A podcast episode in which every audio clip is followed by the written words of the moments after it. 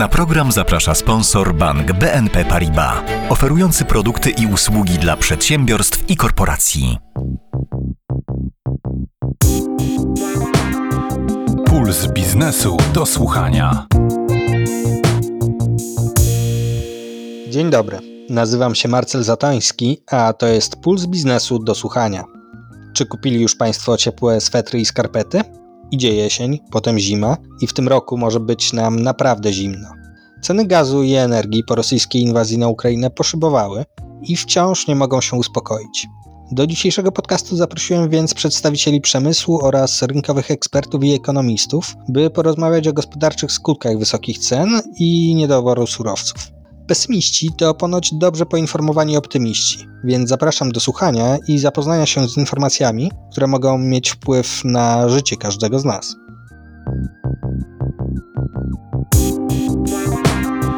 Puls biznesu do słuchania. Na początek odpowiedzmy sobie na najważniejsze pytania. Czy zimą może nam zabraknąć gazu i jakie jest ryzyko tego scenariusza? O odpowiedź poprosiłem Marcina Kujawskiego, starszego ekonomistę w banku BNP Paribas, który na początku września opublikował analizę na temat tego, czy grozi nam gazowy kryzys.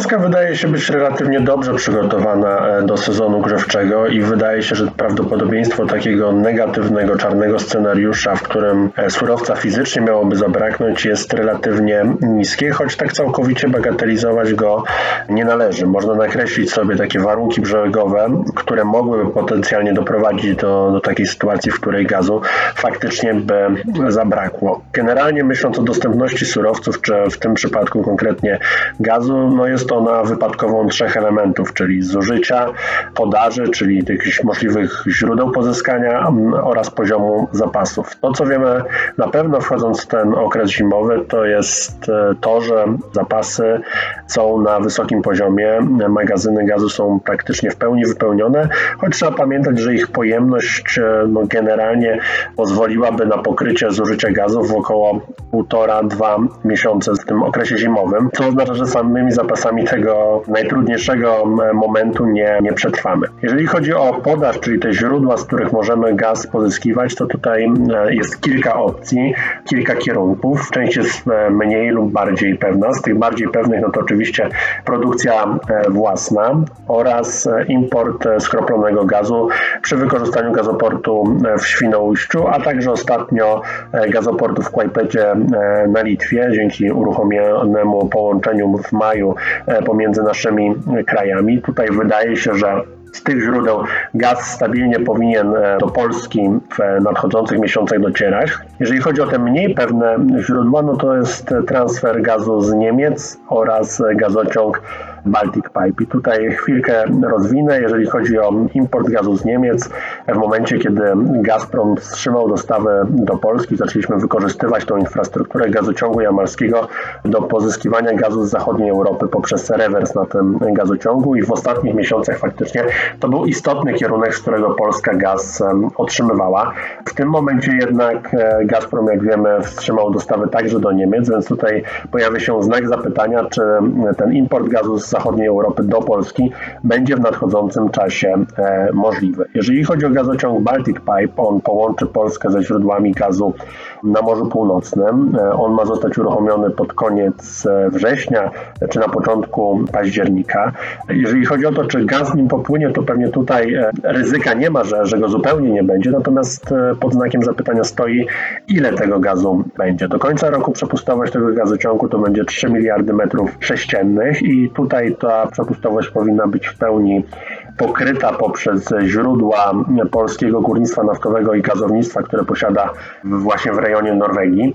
To jest mniej więcej te 3 miliardy metrów sześciennych. Od przyszłego roku ta przepustowość wzrośnie do 10 miliardów metrów sześciennych i tutaj właśnie pojawia się ten znak zapytania, czy uda się i ile uda się gazu w tym okresie z tego kierunku pozyskać. My właśnie w tym czarnym scenariuszu zakładamy e, raz, że nie będziemy mogli kupować gazu z zachodniej Europy, dwa, że gazociągiem Baltic Pipe popłynie jedynie gaz wydobywany przez PGNiG, więc to są te warunki brzegowe, które stawiamy sobie w tym czarnym scenariuszu. Dodatkowym tym warunkiem e, jest poziom zużycia, które zakładamy, że nie spada albo redukcja jest e, relatywnie niska. Te trzy czynniki wspólnie no, mogłyby doprowadzić właśnie do scenariusza braku gazu ziemnego. Wówczas e, Spodziewalibyśmy się, że zabraknąć go by już mogło e, w styczniu, a całkowity niedobór gazu to byłoby około 24 terawatogodzin, czyli to jest około 8% rocznej konsumpcji. Trzeba pamiętać jednak, że to jest ten czarny scenariusz, fakty są bardziej optymistyczne,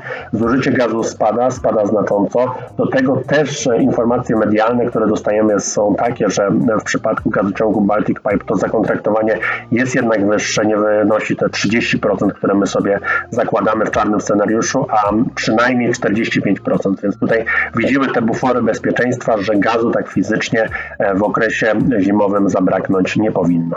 A czy jesteśmy rzeczywiście w znaczącym stopniu w stanie zredukować zużycie gazu tej zimy w gospodarce? No bo mieliśmy ostatnio wyłączanie części produkcji w państwowych przedsiębiorstwach chemicznych, które są wielkim konsumentem gazu i czy takie rzeczy mogą zredukować nasze zapotrzebowanie, no ale jednocześnie pewnie wpływając negatywnie na inne gałęzie gospodarki. Zdecydowanie tak, jesteśmy w stanie, ale właśnie wszystko sprowadza się do tego, czy jest to dobrowolny wynik optymalizacji zużycia plus, nie wiem, poszukiwania alternatywnych źródeł, czy jest to po prostu przymus wynikający chociażby z tych wysokich cen. Jeżeli chodzi o liczby, w pierwszej połowie roku Polska ograniczyła zużycie gazu o 15%, natomiast w tym okresie sierpniowym, tego skoku cen, jeżeli chodzi o gaz, ta redukcja była zdecydowanie wyższa, wynosiła nawet 35 czy 45% e, okresowo. Za tym stało to, co Pan wspomniał, czyli wyłączenia w przypadku niektórych e, przedsiębiorstw, ale także energetyka. Udało nam się zredukować rolę gazu w produkcji prądu. To było między innymi możliwe dzięki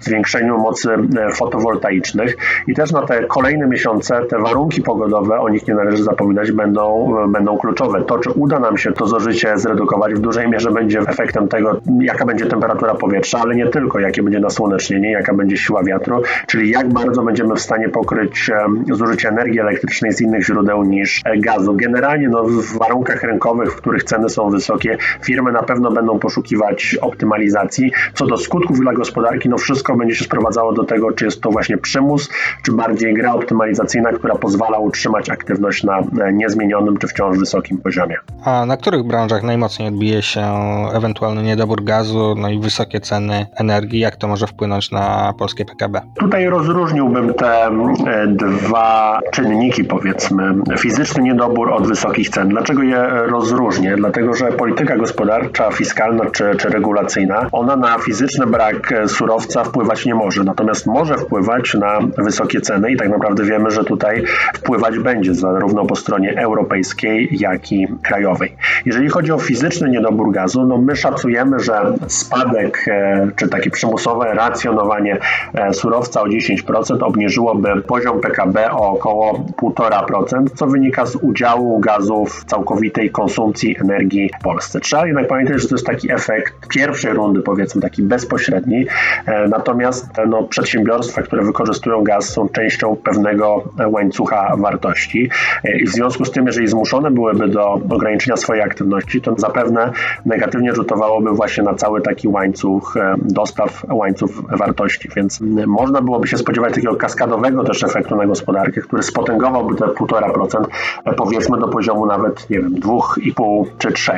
Tak jak mówiłem, w czarnym scenariuszu my zakładalibyśmy, że ta roczna konsumpcja, ten przymus racjonowania wynosiłby około 8%, więc powiedzmy w tym czarnym scenariuszu PKB zmniejszyłoby się gdzieś o 2-3%. Tak mniej więcej byśmy to szacowali. Wśród branż, które e, silnie mogłyby odczuć niedobór gazu, no są to przede wszystkim te, które zależne są e, od energii. To oczywiście sektor metalurgiczny, sektor surowców niemetalicznych, na przykład produkcja cementu, gipsu, też mówiło się w kontekście produkcji płytek ceramicznych w ostatnim czasie, to też właśnie jest taka branża, która mocno od cen gazu zależy, ale też na przykład tekstylia czy produkcja żywności, czyli może tacy mniej oczywiście kandydaci.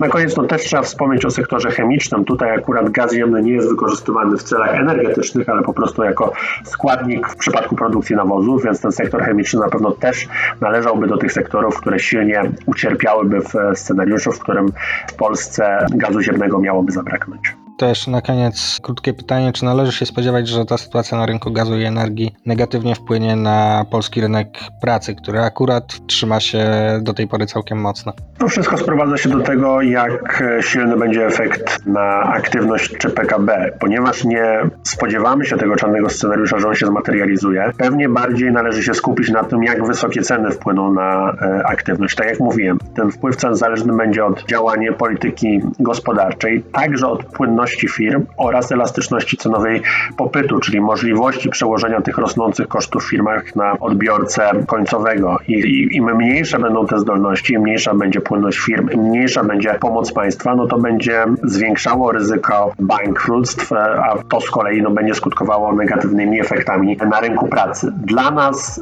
na ten moment w scenariuszu bazowym my jakiegoś silnego tąpnięcia się nie spodziewamy. Nasza e, obecna prognoza wzrostu PKB zakłada zakłada, że gospodarka zwiększy się o 3,5% w tym i 1% w przyszłym roku, a w konsekwencji stopa bezrobocia wzrośnie o około 1 punkt procentowy. Oczywiście to jest zwiększona liczba osób e, bez pracy, ale trzeba pamiętać, że ten punkt startowy, e, z którego wchodzimy w ten okres spowolnienia jest bardzo dobry, jeżeli chodzi o stopę bezrobocia mierzoną podejściem BAEL, czyli taką najszerszą miarą bezrobocia, ona wynosi zaledwie 2,6%, więc jak dodamy sobie ten 1 punkt procentowy, stopa bezrobocia wynosi wynosiłaby 3,5% i w tak w obiektywnym sensie wciąż byłaby bardzo niska, więc na ten moment sądzimy, że ten wpływ sytuacji na rynku gazu i energii elektrycznej na rynek pracy będzie dość ograniczony. Bardzo dziękuję za rozmowę. Moim gościem był Marcin Kujawski, starszy ekonomista w banku BNP Paribas. Dziękuję bardzo.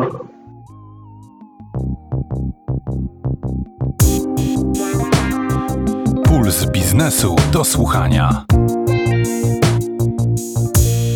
Konsekwencje niedoboru gazu mogą rozlać się na liczne sektory gospodarki, czasem dość zaskakujące dla zwykłego konsumenta.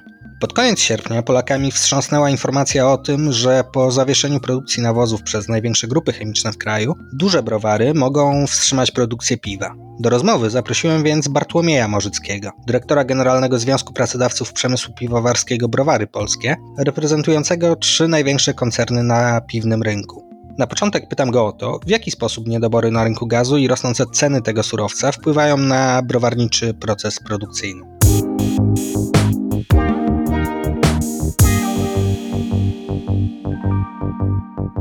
Nami, czyli browarami, też y, wstrząsnęła ta informacja, gdyż praktycznie z dnia na dzień y, dowiedzieliśmy się o zatrzymaniu y, produkcji w zakładach chemicznych, azotowych, które produkują nawozy, a jak być może wiele osób się przy okazji tej sprawy dowiedziało, ta produkcja również jest częściowo skierowana na rynek spożywczy. Przy okazji produkcji nawozów wytwarza się dwutlenek węgla, który jest nieodzownym surowcem w przemyśle para piwowarskim, ale nie tylko. Mowa, mowa tutaj przede wszystkim o przemyśle napojowym jako całości, ale też przemyśle spożywczym. Te same problemy co piwo mieliby producenci wędlin, mięsa, mleka i wielu, wielu innych gałęzi gospodarki. Ta sytuacja pokazuje, że w dzisiejszych czasach nikt nie jest taką samotną wyspą wyizolowaną od reszty biznesów, że te biznesy, te gałęzie poszczególnych sektorów gospodarki są ze sobą ściśle powiązane i problemy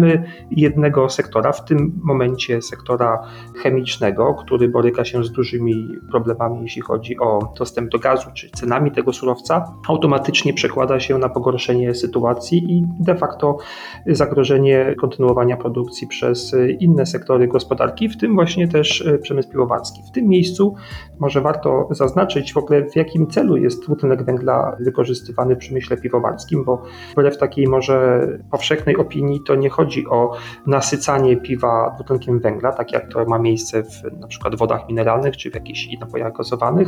W piwie to nasycenie jest naturalne, pochodzi z naturalnego procesu fermentacji. Niemniej na każdym etapie produkcji piwa należy zachować hermetyczność naczyń piwowarskich, tak żeby tam się nie dostawało powietrze, które mogłoby to piwo po prostu y, zepsuć. Tak samo na rozlewie, zanim do puszki czy butelki zostanie wtłoczone piwo, musi się znaleźć tam wcześniej dwutlenek węgla, który to powietrze wypchnie. Więc dwutlenek węgla jest tym nieodzownym y, składnikiem produkcji i co gorsza, nie ma też takiej możliwości, aby go magazynować w jakichś dużych ilościach. Zazwyczaj przedsiębiorstwa branży spożywczej, napojowej mają y, swoje zbiorniki tego dwutlenku węgla, który pozwala na przetrwanie kilka do kilkunastu maksymalnie dni bez dostaw. Więc w momencie, kiedy z dnia na dzień y, dostawcy dwutlenku węgla poinformowali o niemożliwości realizowania dostaw, no to oczywiście w całej branży piwowarskiej, napojowej, spożywczej no powstało no, duże zaniepokojenie, gdyż y, rzeczywiście gdyby ten stan rzeczy miał się y, przedłużać, to ta produkcja po prostu musiałaby być ograniczona, a w konsekwencji dalszych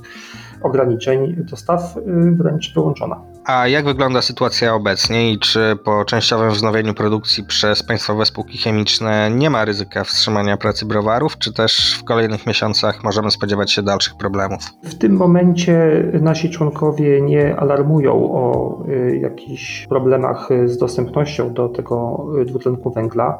Natomiast z różnych źródeł dochodzą y, informacje, które no, nie, nie pozwalają tak w pełni być spokojnym, bo cały cały czas nie wiemy, z jaką mocą pracują te zakłady azotowe, od których produkcji zależy dostępność dwutlenku węgla. Tutaj są różne doniesienia. Wiele wskazuje na to, że nie wróciła tam produkcja do poziomu sprzed y, tych perturbacji. Natomiast y, póki co y, no, to zapotrzebowanie jest pokrywane, chociaż mam też sygnały chociażby od innych browarów niezrzeszonych w naszym związku, że nie są to dostawy tak regularne, jak miało to miejsce wcześniej. Także jakieś problemy występują, natomiast nie są one w tej chwili na tyle poważne, żeby można było mówić o zakłóceniu w produkcji. A jak te problemy z dostępnością surowców, no i rosnące koszty surowców, energii będą wpływały na ceny Waszych produktów w najbliższym czasie? No niestety, jeśli chodzi o tę inflację producencką, ona cały czas jest bardzo wysoka dostrzegamy nasilenie tej presji kosztowej już od wielu miesięcy, praktycznie od y, początku bieżącego roku, później wojna w Ukrainie to jeszcze był impuls dodatkowy, zwłaszcza na rynku energii. Piwo jest y, bardzo wrażliwe na cenę i widać, jak wzrost y, średniej ceny piwa na rynku odbija się w spadku popytu na piwo. Dlatego też producenci zrzeszeni w naszym związku znajdują się w takiej sytuacji bardzo trudnej, bo z jednej strony rosną gwałtownie koszty i te koszty produkcji rosną na wszystkich etapach produkcji. Właściwie nie ma takiej kategorii kosztów, która by nie rosła, a te wzrosty wynoszą od kilkudziesięciu do nawet kilkuset procent chociażby gaz i energia elektryczna. To są wzrosty trzycyfrowe rok do roku. Inne koszty rosną też y, w tempie kilkudziesięciu procent, na przykład butelki szklane, opakowania, puszki aluminiowe, nawet kapsle. No właściwie każdy składnik produkcji odnotowujemy tutaj gwałtowne wzrosty tych kosztów, a przekładanie tego w takiej skali 1 do 1 na konsumenta jest bardzo trudne, ponieważ no, rynek też bardzo jest wrażliwy. Tak jak powiedziałem, piwo jest bardzo wrażliwe na cenę cenę i duże wzrosty ceny mogłyby spowodować dalsze jeszcze spadki na rynku, a cały rynek piwa znajduje się już w trendzie spadkowym i to czwarty rok z rzędu. Od 2019 roku do dnia dzisiejszego rynek piwa w Polsce zmalał o ponad 3,5 miliona hektolitrów. To jest bardzo dużo, to jest mniej więcej tyle, ile produkuje rocznie jeden z największych y, browarów y, w kraju, także to jest znaczący ubytek, więc jesteśmy w takim potrzasku, można powiedzieć trochę. Z jednej strony mamy rosnące koszty, możliwości optymalizacji kosztów, czy też jakiegoś e, brania na siebie, tak, redukcji marsz e, już zostały poczynione, natomiast rynek cały czas spada. Wzrost średniej ceny piwa obserwujemy od już kilku kwartałów. W tym roku on znacząco przyspieszył. Ja oczywiście mówię o średniej cenie piwa, no, bo piwo to jest taki bardzo zróżnicowany produkt. Mamy setki browarów, no, ogromne ogromną ilość tych butelek, puszek na, na rynku, więc, więc oczywiście tempo wzrostu poszczególnych segmentów rynku może być różne. Tutaj producenci prowadzą każdy swoją politykę cenową, ale ta średnia cena piwa rośnie w tym roku, to już jest kilkadziesiąt groszy wzrostu. Dla porównania w latach poprzednich to było kilka groszy rocznie. Także widać, że ta inflacja po prostu się znacząco rozpędziła, a niestety mamy też do czynienia z pogorszeniem się i nastrojów konsumenckich, i siły nabywczej konsumentów, bo przecież konsument jest zewsząd bombardowany wręcz rosnącymi kosztami życia. Drożeje żywność, drożeją kredyty, drożeją koszty utrzymania mieszkań i inne koszty. Tak, także po prostu też spada ta siła nabywcza konsumentów, więc oni też muszą redukować swoje wydatki. No i obawiamy się, że jedną z tych kategorii, gdzie konsument ogranicza swoje wydatki jest i w przyszłości może być piwo. A od przyszłego roku znowu będziemy mieli do czynienia z podwyżką akcyzy na takie produkty jak wasze. To z jakimi podwyżkami musimy się liczyć od początku przyszłego roku i jak to może przełożyć się na dalszy spadek konsumpcji piwa, jak rozumiem? To jest cały związek przyczynowo-skutkowy. Mówimy o rosnących kosztach produkcji, które się przenoszą na wyższe ceny na półkach. Jeżeli do tego dodamy jeszcze stałe podnoszenie podatku akcyzowego, to jest to dodatkowy impuls na podwyżkę ceny, no bo tej podwyżki akcyzy nie ma już gdzie zmieścić w kosztach, tak? Nie, nie, da się jej nie przenieść na cenę dla konsumenta. Niestety te decyzje o tych podwyżkach akcyzy zapadły w zeszłym roku, kiedy jeszcze inflacja była znacznie niższa, kiedy w ogóle była inna sytuacja gospodarcza, polityczna, tak? W innych okolicznościach podjęto decyzję o tym, że co roku akcyza będzie rosła. Natomiast teraz widzimy wyraźnie, że podnoszenie akcyzy to jest kolejny negatywny impuls dla branży, który notabene też nie przekłada się na jakieś e, zwiększone wpływy budżetowe. Ja dam taki przykład. W 2020 roku podniesiono stawki akcyzy o 10% i początkowo wpływy budżetowe trochę wzrosły, ale już w 2021 roku wpływy budżetowe z tytułu akcyzy od piwa były niższe niż w roku 2019. To pokazuje, że spadający rynek zniwelował całą korzyść budżetu państwa z tytułu wyższej stawki akcyzy. I podobnie jest w bieżącym roku. W styczniu akcyza od piwa wzrosła o 10%, natomiast na półrocze bieżącego roku wpływy budżetu państwa wzrosły niewiele ponad 4% a nie 10. Także widać, że spadający rynek to jest problem dla producentów, ale również państwo nie dostaje z tytułu podatków tyle, ile by sobie zakładało. Obawiamy się, że dalsze podwyżki stawki akcyzy będą miały dokładnie taki sam skutek. Rynek będzie dalej w tendencji spadkowej, a dochody budżetowe wcale nie będą rosły. Bardzo dziękuję za rozmowę. Moim gościem był Bartłomiej Morzycki, dyrektor generalny Związku Pracodawców Przemysłu Piwowarskiego Browary Polskie. Dziękuję bardzo.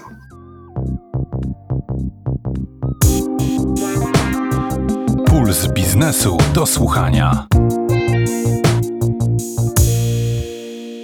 Styczniu nagrałem podcast pod tytułem Dlaczego prąd jest taki drogi? Jednym z gości był wtedy Henryk Kaliś, pełnomocnik zarządu do spraw zarządzania energią elektryczną w zakładach górniczo-hutniczych Bolesław, czyli głównym producencie cynku w naszej części Europy, a jednocześnie prezes Forum Odbiorców Energii Elektrycznej i Gazu oraz Izby Energetyki Przemysłowej i Odbiorców Energii, czyli reprezentant najbardziej energochłonnych części polskiego biznesu. Na początku roku mówił on, że wzrost cen energii może doprowadzić do fali likwidacji w polskim przemyśle, ale na razie kontrakty długoterminowe pozwalają na kontynuację produkcji. A jak jest teraz?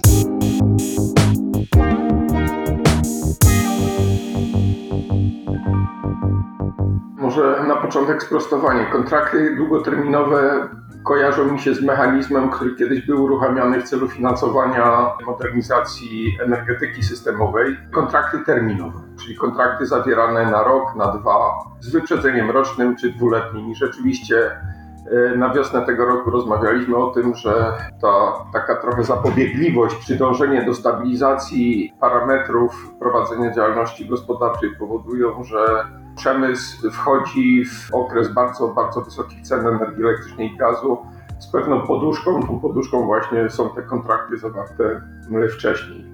Ale rozumiem, że mamy wrzesień, rok 2022 się kończy i potrzebna jest refleksja, co w międzyczasie się zdarzyło i do czego zmierzamy i co nas czeka.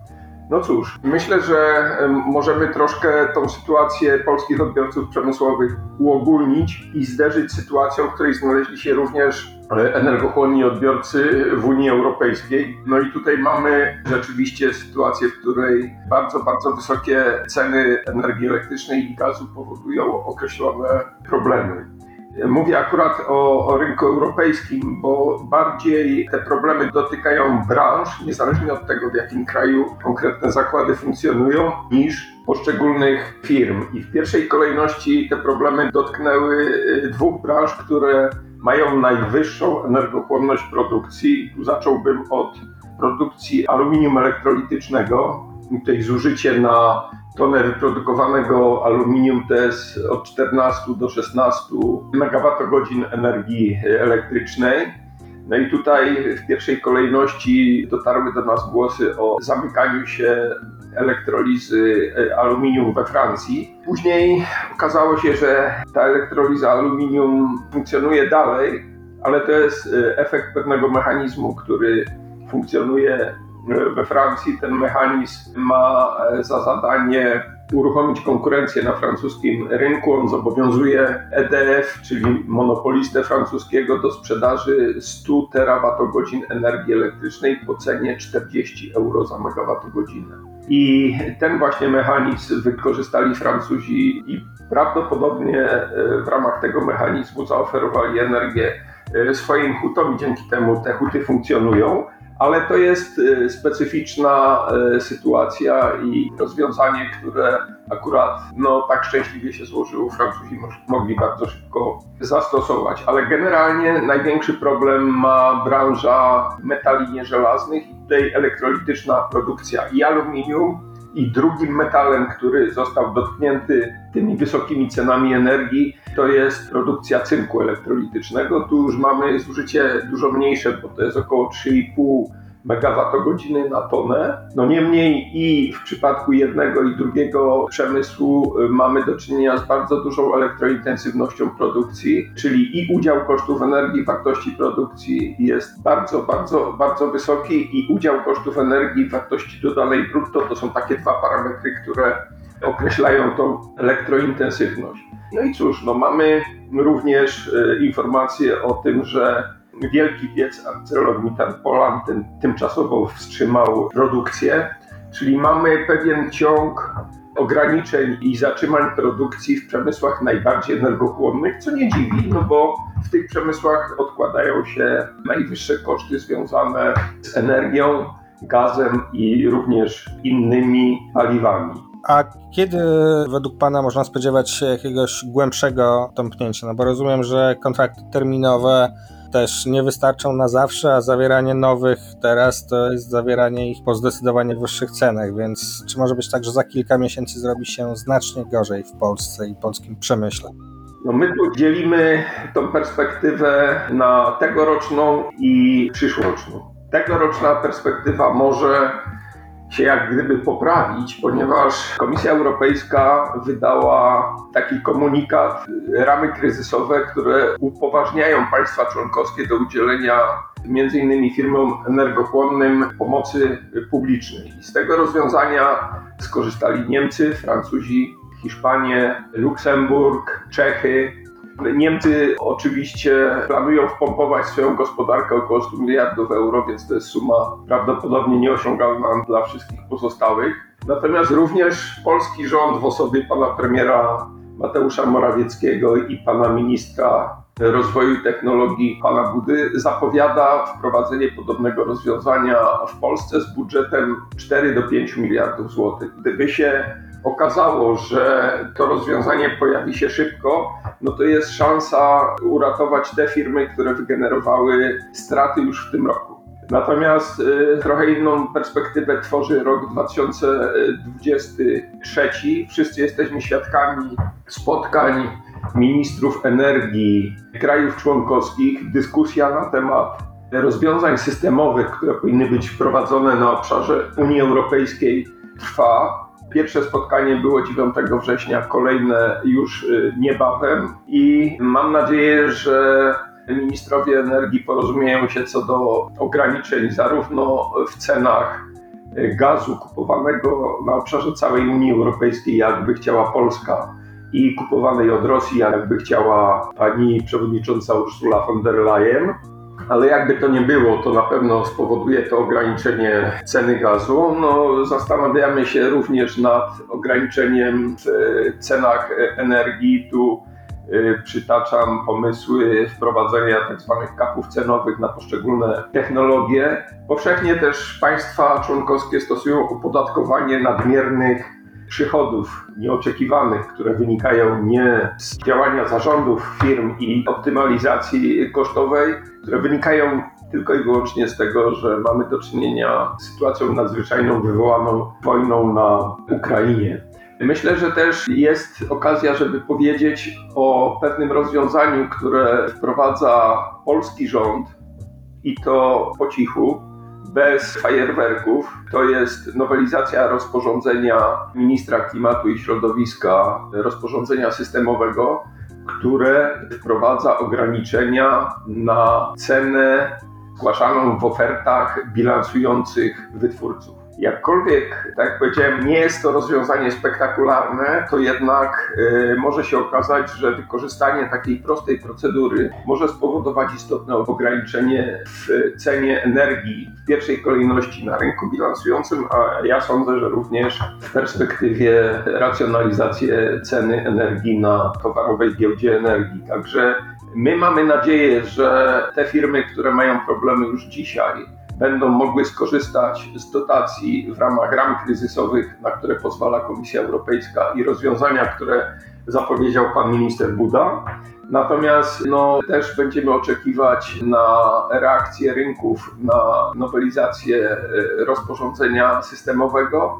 No i również będziemy czekać na rozwiązania, które zapowiedziała Komisja Europejska. Zakładam, że będzie możliwe ustabilizowanie ceny energii na takim poziomie, żeby przynajmniej firmy energochłonne były w stanie uzyskać zerowy wynik finansowy. Bo rozumiem, że to nie jest problem, który da się rozwiązać jakoś mechanizmami wolnorynkowymi, czyli że po prostu klienci zaakceptują wasz rosnący wzrost kosztów i będą wam płacić więcej, tylko to jest potrzebny protekcjonizm państwowy i tak naprawdę które państwo będzie chronić lepiej swój przemysł, to lepiej wyjdzie z kryzysu, tak? Dziękuję za to pytanie, bo ono jest w zasadzie osią całej działalności Forum Odbiorców Energii Elektrycznej i, i Gazu i środowisk y, przemysłowych. My mamy ten problem, że w polskich warunkach przede wszystkim wszelkiego rodzaju subsydia do paliw i energii kierowane są do konsumentów. W innych krajach Unii Europejskiej jest y, na odwrót to znaczy subsydia kierowane są do firm. Firmy funkcjonują lepiej, poprawia się ich konkurencyjność,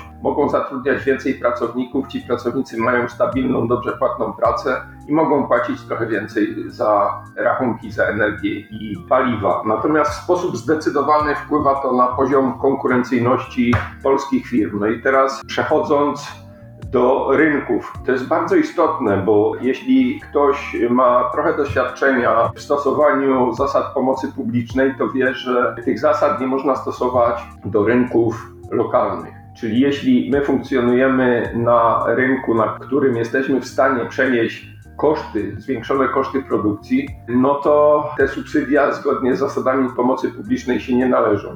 Tu takim klasycznym przykładem są bardzo energochłonne zakłady dostarczające w dużych y, aglomeracjach wodę. Jakkolwiek one mają duży udział kosztów energii w swoim produkcie, to jednak są monopolistami i tutaj nie ma w ogóle żadnej wątpliwości, że wszystkie koszty, które wygenerują, muszą być pokryte przez y, użytkowników wody, no bo oni po prostu nie mają innego wyjścia. To jest klasyczny przykład na funkcjonowanie rynku globalnego i rynku lokalnego. Odbiorcy przemysłowi, odbiorcy energochłonni funkcjonują na rynkach globalnych, muszą konkurować z Amerykanami, muszą konkurować z Chińczykami, muszą konkurować z całym światem i cenę ich produktu wyznaczają giełdy światowe, czyli tu nie ma takiej możliwości, żeby zwiększyć cenę swojego produktu, bo jeśli ona będzie wyższa niż określona przez giełdę, no to po prostu się traci rynek. Bardzo dziękuję za rozmowę. Moim gościem był Henryk Kaliś, pełnomocnik zarządu do spraw zarządzania energią elektryczną w zakładach górniczo-hutniczych Bolesław oraz prezes Forum Odbiorców Energii Elektrycznej i Gazu oraz prezes Izby Energetyki Przemysłowej i Odbiorców Energii. Dziękuję serdecznie.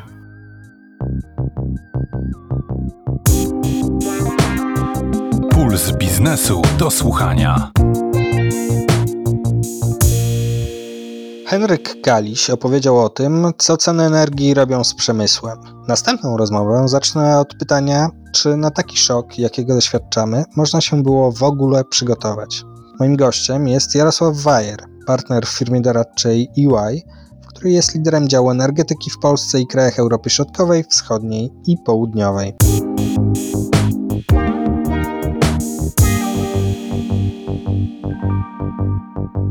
Pytanie jest bardzo szerokie, szczerze powiedziawszy, natomiast to trochę jak na studiach. Część studentów jest przygotowanych, część nie.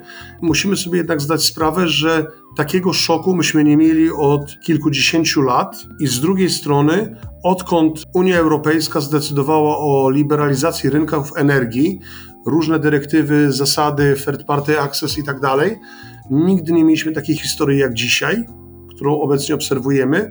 Oczywiście były pewne szoki, albo ja to nazywam, że jest biznes commodity, jest biznesem sinusoidalnym, czyli są pewne cykle. Natomiast to, co się dzieje dzisiaj, to przerosło wszystkich oczekiwania, nawet najmądrzejszych ludzi w tej branży, więc myślę, że są dwie rzeczy.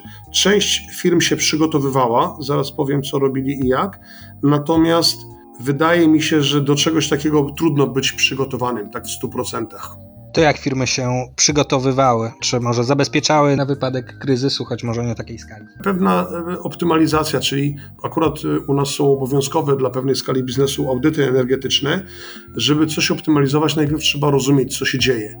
U nas e, niestety, mówię to z przykrością, audyty energetyczne były traktowane jako zwyczajny obowiązek, który trzeba wykonać. Tak naprawdę praca, która miała służyć temu, abyśmy w jakikolwiek sposób zoptymalizowali zużycie energii, czyli powiedzieli, gdzie ta energia nam wycieka, gdzie za dużo wykorzystujemy tej energii, co moglibyśmy zrobić, żeby mniej wykorzystywać energii i mniej było strat niepotrzebnie wykorzystanych, to u nas w bardzo wielkiej ilości przypadków było to potraktowane, przygotujmy audyt, wyślijmy do Urzędu Regulacji Energetyki i mamy to z głowy. Głównie dlatego, że cena energii była bardzo niska. Od wielu, wielu lat mieliśmy bardzo niską cenę energii, a w ubiegłym roku na początku ubiegłego roku, powiedzmy pierwsze 2-3 kwartały, ta cena była historycznie niska. Tak nisko nie mieliśmy tej ceny, więc nikt nie brał pod uwagę ani tego, żeby optymalizować energię, bo się nie opłacało, ani tego, żeby budować swoją infrastrukturę. Miałem dyskusję z niektórymi firmami energochłonnymi nawet o tym, żeby budować własne źródła. To oni mówili: Słuchajcie, no nie rozumiem rynku mocy, po co jest ten rynek mocy w Polsce i nie tylko w Polsce, skoro mamy za coś płacić, czego nie rozumiemy. Ja mówię: No tak, ale trzeba dużą infrastrukturę zbudować. I teraz jak Państwo znacie swoje zapotrzebowanie, wiecie, jakie macie plany biznesowe, najprościej by było zbudować samą infrastrukturę. Wy tego nie chcecie robić, nie? bo mówią, nie, nie opłaca się, nie znamy się na tym, więc wydaje mi się, że wiele przedsiębiorstw dzisiaj trochę się budzi w takim reality, że ceny energii nagle potrzebowały w górę i to nie tam dwu, trzykrotnie, ale dziesięciokrotnie realnie. Które branże w polskiej gospodarce mogą najbardziej ucierpieć w najbliższych miesiącach i co firmy mogą zrobić, by utrzymać się na powierzchni? A może to firmy same już nie są w stanie nic zrobić, tylko musi być interwencja strony publicznej czy strony unijnej? Zacząłbym od interwencji. Tak, jeżeli dzisiaj spoglądamy na rynek, to jest dużo głosów, iż widać tak zwane windfall profits, czyli dużo przedsiębiorstw jednak czerpie zyski nadzwyczajne, których normalnie by nie czerpało, tylko z uwagi na strukturę rynku. Więc pewna interwencja prawdopodobnie by się przydała. Ja zawsze byłem zwolennikiem liberalizacji rynku energii i przeciwnikiem interwencji, natomiast dzisiaj spoglądając, jaki to może mieć wpływ na realną gospodarkę, uważam, że mamy do wyboru albo zrobimy interwencję, albo poczekamy aż poszczególne branże zaczną po prostu upadać i mieć coraz większe problemy.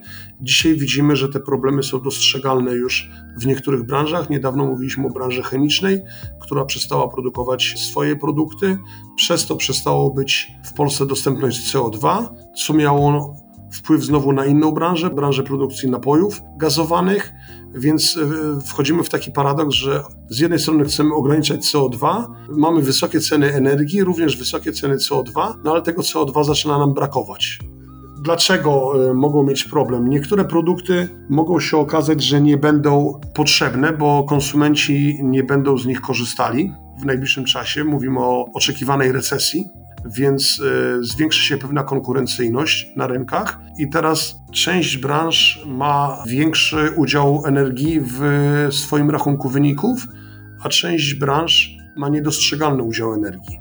I to są zarówno duże przedsiębiorstwa jak huty, duzi odbiorcy energii, którzy się boją, że tak naprawdę ich klienci finalni mogą mieć problemy, bo mówimy o budowlance na przykład w Polsce czy sektorze real estate, który jeżeli myślimy o budowlance, słychać głosy, że sprzedaż spadła ponad 50%, co oznacza, że w najbliższym czasie możemy oczekiwać na dużo mniejsze zapotrzebowanie na przykład na stal, a ponieważ energia poszła kilkanaście razy do góry, więc cena stali będzie musiała wystrzelić w górę i w zależności od tego, kto jak się przygotował na ten kryzys, to może na rynku bardzo mocno dostać po głowie albo wygrać w tym momencie. Nie? I możemy oczekiwać dużego przetasowania.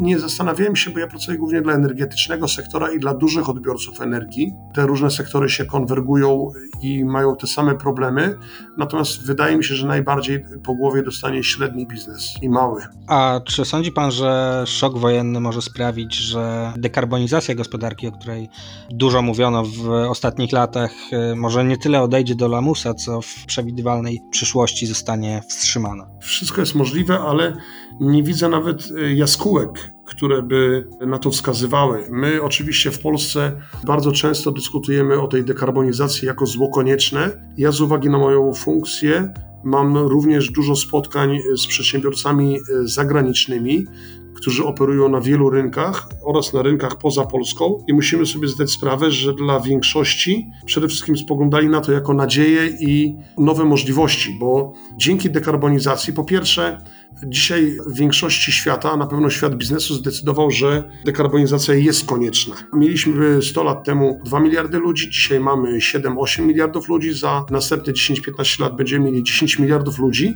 i wpływ na środowisko jest widoczny, udowodniony, więc nawet trzy tygodnie, które mieliśmy teraz ciepła w sierpniu w Polsce, się nigdy w życiu historycznie nie zdarzyły. Więc fale pożarów, upałów, które widzimy, fale powodzi z drugiej strony, nadzwyczajne zjawiska atmosferyczne mówią, musimy zmienić model operowania. Po drugie, świat finansów zdecydował, większość funduszy infrastrukturalnych, private equity, mówi, musimy się dostosować do porozumienia paryskiego, bo kto się nie dostosuje, ten przegapi swoją okazję, nie będzie innowacyjny, zostanie z produktami, które do tej pory y, miały się dobrze na rynku, ale za rok, dwa czy pięć mogą się okazać, że będą zupełnie niepotrzebne, bo biznes wymyśli nowe metody, więc nowa innowacyjna gospodarka, nowe miejsca pracy, a z trzeciej strony jeżeli mówimy o czystej dekarbonizacji i tych narzędziach, które są dzisiaj, to pamiętajmy, iż mówimy o w dużej mierze odnawialnych źródłach energii, czyli mówimy, że nie chcemy wykorzystywać zasobów naturalnych, ale chcemy skorzystać z tych, które są odnawialne i umiejętnie w zgodzie z naturą z nimi pracować, co oznacza realnie uniezależnienie się od paliw kopalnych, z którymi dzisiaj jest duży problem. Jak spojrzymy na ropę, spojrzymy na gaz, czy spojrzymy na węgiel, no to problem dzisiaj mamy i wysokie ceny energii nie dlatego, że ropa czy gaz y, jest lepsza czy gorsza, ale głównie dlatego, że mówimy, są ograniczenia, jest gospodarka cykliczna, one zawsze były raz droższe, raz tańsze, przechodziliśmy przez różne okresy w historii, a dzisiaj mówimy o takiej sytuacji, że dostęp może być utrudniony dla wielu gospodarek i dla wielu przemysłów, który zablokuje wręcz nam operowanie na danym rynku. Więc ja nie widzę jaskółek, które by mówiły, że dekarbonizacja jest zła albo że ona spowolni. Wręcz wojna pokazuje, że ona powinna przyspieszyć, bo te źródła są przede wszystkim tańsze, nowe produkty często są tańsze od tych starych, często są lepsze, nowe produkty, usługi, modele operowania, a na pewno nas uniezależniają od tego, co prowadzi dzisiaj do dużych problemów. To jeszcze na koniec, bo, bo wspominał już Pan, że firmy, na przykład energochłonne w Polsce raczej sceptycznie podchodziły do mówienia o tym, że powinny zapewnić zapewnić sobie własne źródła energii, to jak jest teraz? Czy ten kryzys sprawił, że wzrosło zainteresowanie i podnoszeniem efektywności energetycznej i szukaniem własnych źródeł energii? Dzisiaj mamy dużo tego typu dyskusji. Mieliśmy podobną dyskusję w 2015 roku z wieloma klientami w Polsce, gdzie był wdrożony 20 stopień zasilania. Ale po kilku dniach, jak się okazało, że to nie jest aż tak groźne, jak mówiono, to wszyscy klienci wrócili do normy. Od kilku lat de facto dekarbonizacja sprawiła, że dużo przedsiębiorstw mówi, co możemy zrobić. Nie wymienimy swojej floty samochodowej z dnia na dzień, chociaż możemy to zrobić, bo to nie są aż tak duże pieniądze. Nie wymienimy swojego parku maszynowego, bo to są bardzo często dużo większe inwestycje z dnia na dzień, czyli jak on będzie się zużywał, to będziemy kupowali maszyny, urządzenia, inwestowali w różne nowe technologie które są bardziej czyste niż były dotychczas. Natomiast to, co możemy zrobić bardzo szybko, to jest zmuszać swoich podwykonawców, jeżeli mamy silną e, pozycję rynkową, albo wymienić energię na zieloną. I takie kontrakty e, zwane barbarzyńsku PPA to są w ostatnim czasie de facto podstawowym pytaniem. Bardzo dużo klientów przychodzi do nas i podpisuje dzisiaj umowy. Ja wręcz widzę, że trochę na górce może się okazać, nie? bo te umowy krótkoterminowe przez kilka lat, przez kilkanaście miesięcy spodziewam się, że cena energii będzie jednak wyższa niż była do tej pory, ale długoterminowo podpisywanie dzisiaj na górce umów 10-letnich czy 15-letnich to jest jednak trochę inne też ryzyko, bo się kontraktujemy, ale widzę, że wielu naszych klientów dzisiaj się kontraktuje, żeby się uniezależnić, a dwa, żeby zafiksować sobie cenę energii, żeby tą niepewność zlikwidować. No i trzy, żeby mieć dostęp do tej energii, żeby mieć pewność, że my będziemy mogli w ogóle produkować i prowadzić nasz biznes. Bardzo dziękuję za rozmowę. Moim gościem był Jarosław Wajer, lider działu energetyki w Polsce oraz regionie Europy Środkowej, Wschodniej i Południowej w firmie doradczej EY. Dziękuję uprzejmie.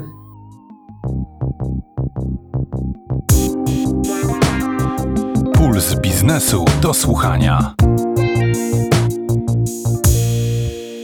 Jarosław Wajer mówił o tym, że z chęcią polskich przedsiębiorstw do zadbania o optymalizację zużycia energii bywało różnie.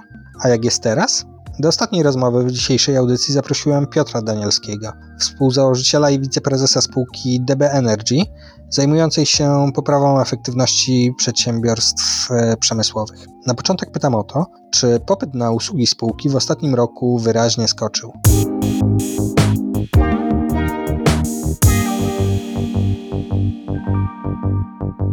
Jest bardzo istotna zmiana dla nas z tego względu, że przede wszystkim obserwujemy bardzo duży wzrost zainteresowania naszymi usługami poza granicami naszego kraju. Do tej pory pracowaliśmy przede wszystkim na rynku polskim i, i tutaj realizowaliśmy programy poprawy efektywności energetycznej, natomiast od zeszłej jesieni skokowo wzrosło zainteresowanie w takich krajach jak Niemcy, Wielka Brytania, Irlandia, Francja i, i Włochy i tam też dzisiaj tak naprawdę spędzamy najwięcej czasu. A w Polsce jak to wygląda? Polscy przedsiębiorcy są zainteresowani tak jak wcześniej, czy po prostu wy macie ograniczone siły i część rzucacie na bardziej rentowne rynki, takie jak właśnie Europa Zachodnia?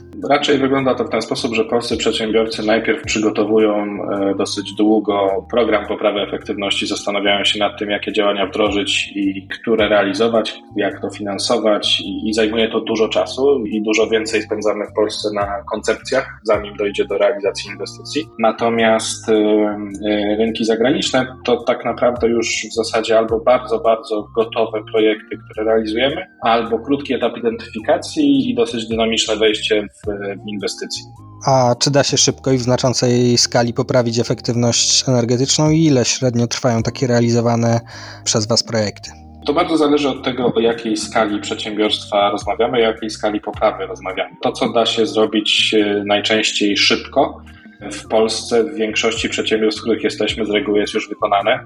E, jesteśmy w tym zakresie jako naród, czy jako kraj bardzo zaradni i tutaj większość e, łatwych elementów na własną rękę. Natomiast duże inwestycje o charakterze strukturalnym albo takie związane z modernizacją źródeł zasilania, no z reguły mają takie konsekwencje, że trzeba przygotować do tego gruby projekt No i potem zrealizować go oczywiście zgodnie ze wszystkimi kanonami sztuki, co trwa z uwagi na pozwolenia, choćby pozwolenie na budowę, pozwolenia wodnoprawne czy ochronę środowiska. W tym zakresie mówimy o najczęściej 10-12 miesiącach, jeśli chodzi o mniejsze zakresy. Natomiast jeśli mówimy o modernizacji elektrociepłowni, tak jak w jednym z projektów, które w tej chwili realizujemy na Śląsku, jest to projekt podzielony na etapy i w zasadzie jesteśmy tam już prawie 3 lata i realizujemy etap za etapem, budując kolejne zmodernizowane elementy. A jakie efekty przynoszą Wasze projekty? Bo rozumiem, że te proste rzeczy, które, które da się zrobić, to też sporo mogą zredukować e, zużycie energii, a w takich większych projektach to o jakich efektach, e, jeśli chodzi procentowo o redukcję, mówimy? Modelowe przykłady, którymi się posługujemy, z reguły pokazują, że w takich prostych zabiegach da się uzyskać między 10 a 20% oszczędności w zasadzie w każdym przedsiębiorstwie. I tutaj w zasadzie nie ma wyjątków. Wszędzie, gdzie, gdzie wchodzimy, jest to z reguły możliwe. Natomiast przy dużych projektach, energochłonnym przemyśle albo też przemyśle, który ma większe modernizacje dawno, dawno za sobą i od dłuższego czasu nie było nic modernizowane. Mówimy o redukcjach nawet o 50-60% i w tym zakresie to są też często duże na przykład przemysłowe zakłady operujące w chemii farmaceutycznej albo w metalach. A żeby zredukować zużycie energii, trzeba najpierw mieć e, pieniądze na inwestycje, no i sobie rozpisać jakiś biznesplan. No to w jakim czasie zwracają się pieniądze wydane na takie usługi, jakie wy świadczycie i czy to się też mocno zmieniło w tym roku, rozumiem, przy rosnących cenach energii? Tak, no rosnące ceny energii oczywiście powodują, że wszystkie oszczędności, które generujemy, istotnie skracają okres zwrotu nakładów inwestycyjnych. Można powiedzieć tak, że w większości przedsiębiorstw do tej pory, czyli można powiedzieć rok minus pracowaliśmy z okresami zwrotu około 3 lat maksimum. W tej chwili przy cenie energii, która tak mocno wzrosła, te okresy zwrotu są nawet poniżej roku, albo oczywiście można też realizować bardziej śmiałe i ambitne projekty, które w ogóle były poza jakąkolwiek dostępnością z uwagi na to, że okresy zwrotu były 5, 6, 7-letnie, a dzisiaj stają się dostępne, bo, bo robi się to poniżej dwóch lat. W zakresie posiadania środków niekoniecznie trzeba mieć swoje pieniądze, żeby zrealizować tego typu projekty. Funkcjonują w zasadzie dwa modele. Jeden w którym to inwestor finansuje z posiadanej linii kredytowej, jeśli ma takie możliwości, lub drugi, w którym to my możemy zrealizować tę inwestycję, finansując ją z funduszu, którym my dysponujemy. I rozumiem, że wy się wtedy dzielicie tymi oszczędnościami w czasie kolejnych lat, żeby wypracować sobie swój zysk na tym projekcie. Oczywiście. Wtedy podpisujemy umowę, która nazywa się umową ESCO i w ramach działalności ESCO następuje podział oszczędności i część tych oszczędności trafia do naszego finansującego, Część pozostaje u klienta, no i oczywiście jest tam element związany z zarządzaniem utrzymaniem tej inwestycji, który e, realizujemy my. Działacie na rynku od 13 lat. Ja jestem ciekaw, czy w metodach poprawy efektywności energetycznej w przemyśle dużo się zmieniło w tym czasie i e, jakie działania tak naprawdę podejmujecie, kiedy wchodzicie do zakładu przemysłowego? Co robicie, żeby zredukować jego zużycie energii? Jeśli chodzi o samą metodę naszej pracy, czy metodologię wykonywania audytów efektywności energetycznej, czy identyfikacji możliwych działań związanych z podnoszeniem efektywności energetycznej, można powiedzieć, że nie zmieniło się wiele z tego względu, że za każdym razem jest to przegląd energetyczny przedsiębiorstwa i zderzenie tego z danymi dotyczącymi realnego zużycia energii, czy tak naprawdę zapotrzebowania na media, jeśli mówimy o szerszych projektach. Zmienia się natomiast i to, i to mocno się zmienia zakres środków, jakimi dysponujemy, żeby tak naprawdę tę efektywność poprawiać. Mniej więcej 13 lat temu nikt nie słyszał o wysokotemperaturowych pompach ciepła, którymi jesteśmy w stanie robić parę. Dzisiaj w zasadzie w zakresie modernizacji źródeł dla przedsiębiorstw przemysłowych jest to jeden z podstawowych elementów, którym się poruszamy. Również 13 lat temu jednostki kogeneracyjne nie były tak rozpowszechnione i można powiedzieć, że nie funkcjonowały na poziomie łatwej dostępności. Były to bardzo skomplikowane projekty. Dzisiaj w zasadzie podstawowy zakres e, jednostek kogeneracyjnych, które jesteśmy w stanie zastosować, stanowią produkty półkowe, które kupujemy po prostu tak samo jak żarówki. Oczywiście o dużo większej skali, jeśli chodzi o finanse. Także w tym zakresie nasza praca jest o tyle trudna i też nie każdy się do niej nadaje, że w zasadzie my jesteśmy w ciągłym procesie uczenia się nowych technologii, których zasadniczą część oczywiście najpierw sprawdzamy u siebie. Mamy swoje laboratorium, w którym też y, testujemy różnego rodzaju rozwiązania i przedstawiamy klientom. Najczęściej w tych projektach jest to współpraca pomiędzy nami, działem R&D klienta i technologami. No i tutaj też bardzo dużo się zmienia, jeśli chodzi o to, co jest dostępne, jeśli chodzi o infrastrukturę klienta. Kiedyś byliśmy audytorami energetycznymi, którzy zajmowali się tak naprawdę budynkiem Długo pracowaliśmy na to i w tym zakresie ja osobiście popełniłem kilka prac naukowych, e, żeby przekonać rynek i przemysł do tego, że audytor energetyczny nie powinien zajmować się tylko budynkiem, ale że dużo ciekawszymi elementami są procesy technologiczne, które są z reguły nastawione przede wszystkim na produkcję, a nikt nie zwraca uwagi na energię i że warto współpracować również głębiej. No i ten proces od tych 13 lat, można powiedzieć, powoli postępuje. Jesteśmy coraz głębiej, jeśli chodzi o integrację naszych możliwości, naszego know-how i klienta. No i coraz więcej oczywiście da się wypracować, bo wiadomo, że współpraca jest podstawą większości sukcesów, które obserwujemy na rynku. Bardzo dziękuję za rozmowę. Moim gościem był Piotr Danielski, współzałożyciel i wiceprezes spółki DB Energy. Dziękuję ślicznie, kłaniam się.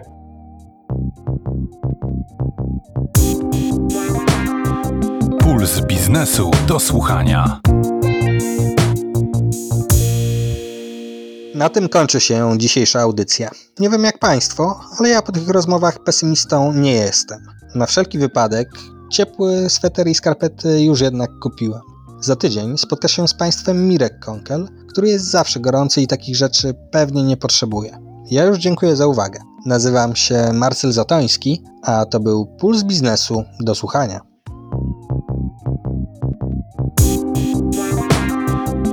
Puls biznesu do słuchania.